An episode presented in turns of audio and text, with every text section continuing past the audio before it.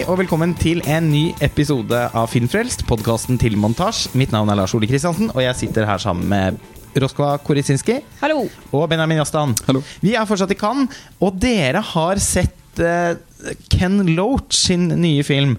Han vant Gullpalmen for sin forrige, I Daniel Blake. 2013. Var det? 2016. Nei, 16. Ja, selvfølgelig. Og og er tilbake. Nå er han oppi Altså han er godt oppe i 80-årene. I utgangspunktet så skulle I Daniel Blake være hans siste film. Ja, Han annonserte også det. Mm. Men uh, jeg antar at uh, han er tilbake med god grunn. Han har helt sikkert noe på hjertet. Nå skal jeg overlate denne samtalen til dere som faktisk har sett filmen.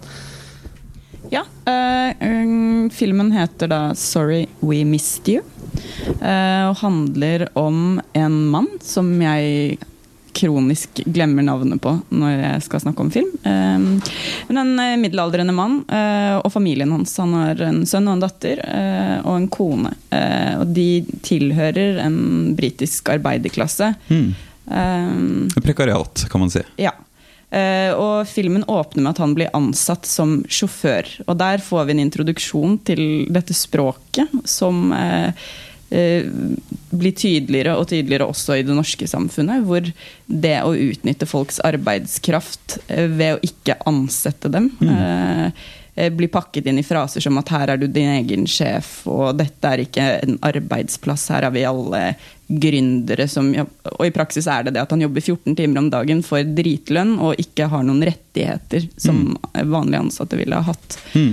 Og dette er da utgangspunktet for filmen.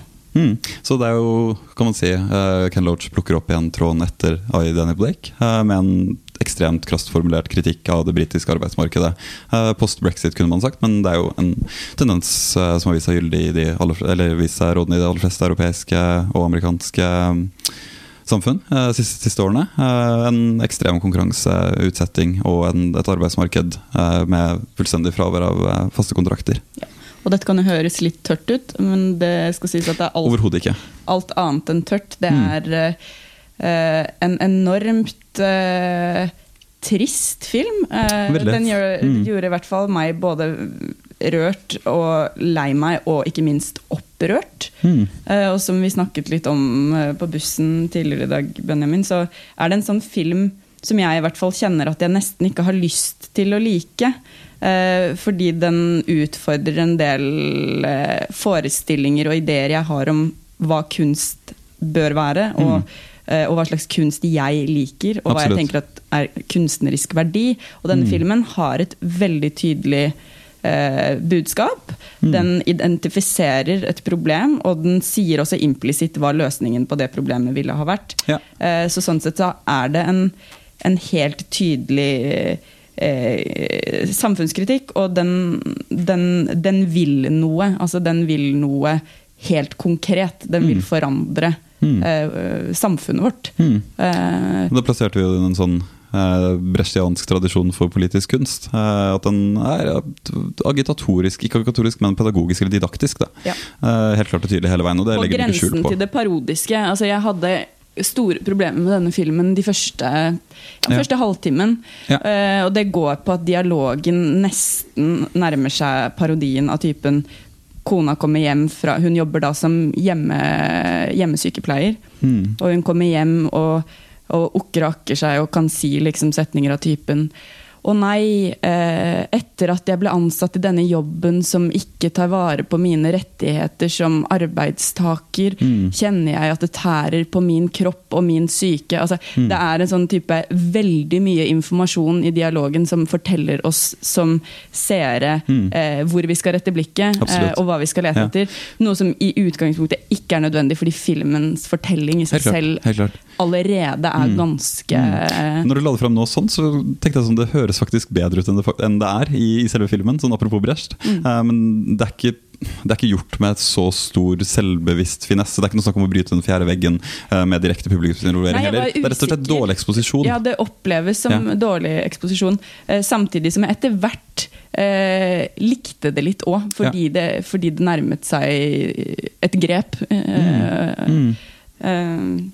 Men ja, så den, den, vil, den vil også veldig gjerne at vi skal få sympati med disse menneskene. Altså de Mm. er enormt sympatiske. Eh, Ja, Der var vi litt grann uenige, tror jeg. Ja, Eh, jeg jeg filmen, det. var redd for at den ganske tidlig kom til å falle inn i en sånn arbeiderklassens hjerte av gull-trope. At den blir romantiserende og ergo da nedlatende. Eh, Og det er jo en felle de aller fleste sosialrealistiske filmer ikke klarer å unngå. eh, Ken Loach inkludert. Det gjelder også I. Daniel Blake, selv om det er en veldig veldig god film. Og jeg synes også dette, dette også er en veldig veldig god film. Eh, Men han balanserer alltid på en knivsegg når det gjelder det der. I hvor stor grad man skal lage idyll av arbeiderklassens slit og endeløse godhet. Og det kan være problematisk. Og han gjør, han det kommer noen lette løsninger også. F.eks. er en av de hun, hun kona til hovedpersonen besøker.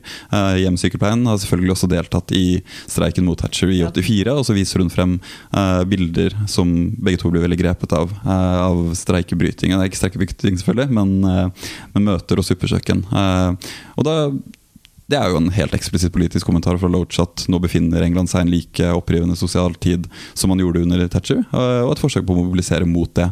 Men der ligger det også en viss nostalgi, som kan være litt problematisk.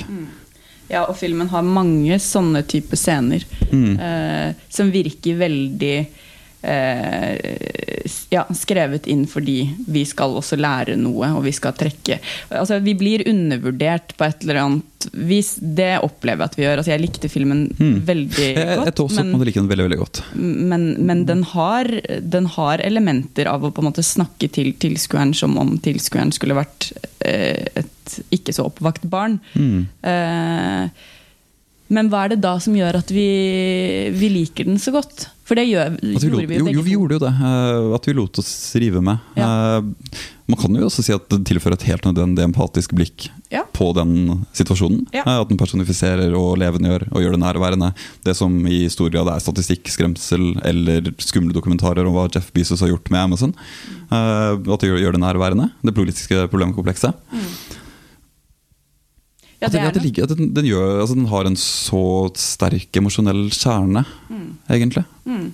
Ja, jeg tror også at det, det er så enkelt som at det, det er det den filmen gjør, og det føles høyst nødvendig at den Mm. gjør det Mm. på den måten. Absolutt. Eh, og så kan man si, som, som du nevnte, at det er et problem man går i, eller en felle man går i når man skal lage sosial realisme, at man, at man gir hovedpersonen et hjerte av gull. Samtidig så har jeg veldig sjelden sett det når det er gode filmskapere Ja, som? Da kan det Mm. ofte være det motsatte. At liksom, det skal virkelig jævelskapen skal bringes til torgs. Mm. Og se hvor grusom, eh, grusomme disse menneskene har blitt fordi de er ofre for et Ja. grusomt system. Og det er liksom en voldsom Absolutt. nihilisme, da. Ja, ja, og da blir det en sånn tom tautologi også som et argument. Ja. Eh, det finnes, det finnes, jo, det finnes, jeg kommer på Fishtank av eh, Andrea Arnold, som, eh, som ikke faller i den fella, selv om den fremstiller ganske forferdelige levekår Mm. og mennesker. ja, den har jeg ikke sett. Mm. Nei, så det er noe med det at den Altså, jeg satt i salen, vi hadde tatt en Uber ned. Ja, apropos. Hvor, hvor man jo vet litt om hva slags såkalte arbeidsforhold eh, de såkalte ansatte eh, der eh, rammes av. Eh, og jeg, det er lenge siden jeg har sett en film med all min ambivalens og tvil og, og alle disse tingene som jeg på en måte eh, fort henfaller til.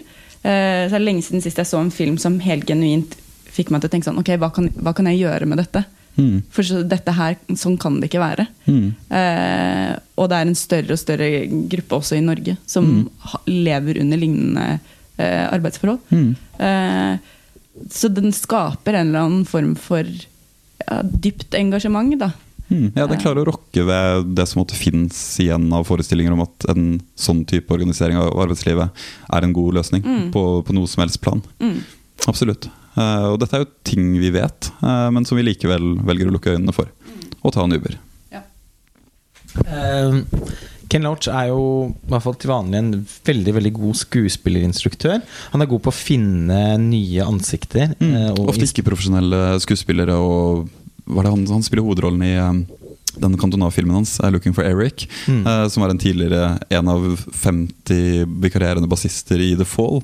Mm. eh, som har en liksom brokete skuespillkarriere, som plutselig dukker opp og gjør en veldig god rolle i en veldig sjarmerende Kanskje ikke så veldig god film eh, Mm. til slutt. Men han har et godt øye for den type um, den type skuespillere. Ja, og derfor så blir jeg litt nysgjerrig da på Altså, Har han funnet noen nye talenter her som det er verdt å sperre opp øynene for? Nei, vil jeg si. Nei. Eh, det var også et problem som Jeg vet ikke om det ble bedre utover i filmen, eller om man bare vente seg til det, men det var mye rusk i maskineriet. Ja. Eh, du ser at folk er litt nervøse for å si replikkene sine. Mm. Eh, du får en veldig følelse av at uh, det er folk som prøver å være skuespillere. Um, og så er det særlig én som jeg syns gjør en veldig god rolle. Det er hun som spiller uh, datteren i familien. En elleve år gammel uh, jente. Mm. Vet ikke hva hun skuespilleren heter, dessverre. Nei, Eh, ikke heller, men hun, hun er mye mer naturlig foran kamera enn Ja. omtrent alle andre i filmen. Ja, hun er veldig Mm. god. Og jeg syns også hovedpersonen spiller ganske godt. Han spiller ganske godt, Ja. eh, men eldste sønnen i familien eh, og kona til hovedpersonen spiller dessverre fryktelig dårlig. Ja. Tidligvis. Og det fungerer til en viss grad med, med kona, fordi det er noe med hennes veldig eh, Ja, kanskje litt naive, men også enormt eh, godhjerta tilnærming til tingene. Eh, som gjør at det nesten funker at hun ikke spiller så bra. For jeg tror Ja, jeg at hun som mener, menneske ja. også er liksom fylt av ganske mye sånn nervøsitet og forsøk på å, Mm. å, å tilpasse seg situasjonen. Så da går det, men, men det er et problem med han eldste. Ja, definitivt. Ja, det er rett og slett dårlig casting. Eh, Men det er interessant når du sier det med, med kona som i forhold til det mm, den tropen om det gode hjertet, det mm, naive utbyttet det arbeider.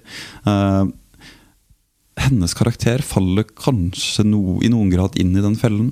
Ja, samtidig liker jeg det. For jeg, jeg satt også og tenkte sånn Ja, men det er jo også mennesker som er sånn. Altså, de, de Absolutt, absolutt, de også. absolutt, men så legge- som er ja. tvers igjennom gode, men det, Mm. det er ikke hun heller. Det kommer også veldig tydelig fram at hennes godhet også kan by på problemer, og at det også kommer fra et sted hvor hun har vokst opp med rus og vold, Ja, vold, for eksempel, absolutt, absolutt. som gjør at hun er Mm. veldig konfliktsky. Og det, det trengs i den familien for å smøre på en måte eh, koblingene. Men, men, men det gjør jo også at hun ikke setter ned foten et par ganger hvor hun kanskje burde ha gjort det, ikke bare for sin egen del, men også for andres del.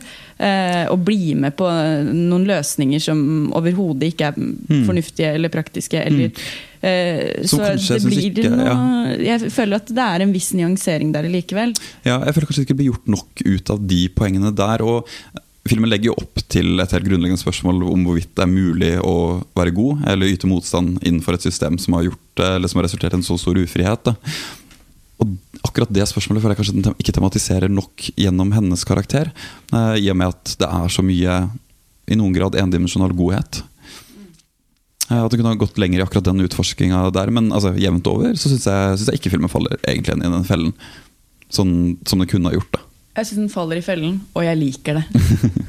Men altså, hvordan er filmen eh, visuelt, da? Og egentlig hvor- hvordan, hvordan er te ja. tempoet i fortellingen? Og han pleier å lage veldig sånn tight fortalte eh, filmer. Ja, og det er den også. Eh, og det ble jeg egentlig ganske imponert over. For man sammenligner ofte Loach med Michael A., som da også er den hva skal man si, andre store sosialistiske regissøren fra England. Som fortsatt er aktiv. Som fortsatt er aktiv. som også er en veldig god filmskaper, han òg. så lager en litt annen type film, og de er kanskje noe mer kunstferdige, kan man egentlig si, mens Ken Loach er mer agitatorisk. Eller mer jeg- eksplisitt politisk. Ja, altså, Det er jeg- også lei, men ikke på samme måte. Altså, de er ikke formulert like rasende. Nei, jeg opplever jo egentlig at Ken Loach er nærmere Dardem-brødrene. Ja, og det kom jeg også til å tenke på da jeg så filmen. eh, At den, jeg syns den er veldig elegant komponert. Ikke, altså Den har ikke de sånn rituelle Bressot-aktige sirkelkomposisjonene som Darden-brødrene har. eh, Som er at de reduserer hele filmfortellingen ned til sine minste bestanddeler og gjør det hele ekstremt asketisk. Der hvert eneste lille formgrep eller hver eneste lille inngripen blir et spørsmål om moral, kunne man sagt. Eh, Altså Hva formen kan tilføye, eller hva formen kan gjøre eller kaste et blikk eh, på en situasjon som egentlig er determinert, eller som egentlig er forutbestemt. Eh, Loach har ikke den type form, innhold, kompleksitet. Eh, han kjører på med en relativt rettlinjet fortelling, eh, men som er veldig stramt fortalt. Altså den, er, den er veldig effektiv. Eh, og den er også veldig manipulerende, eh, men på en effektiv og vellykket måte i den filmen her, da, syns jeg. Men altså manipulerende på altså, i den, Den er sentimental? Ja, den er, den er absolutt, Mm. eh, som vi snakket litt om innledningsvis, den er absolutt sentimental. Eh, og, og så er det veldig lett å sitte igjen etter en sånn type film, og da har du jo i praksis blitt manipulert. Når du sitter igjen og føler at eh, ja, men dette er den sanne historien om hvordan det er. Og det er det jo. Altså det er jo den sanne historien om hvordan arbeidsmarkedet eh, ser ut.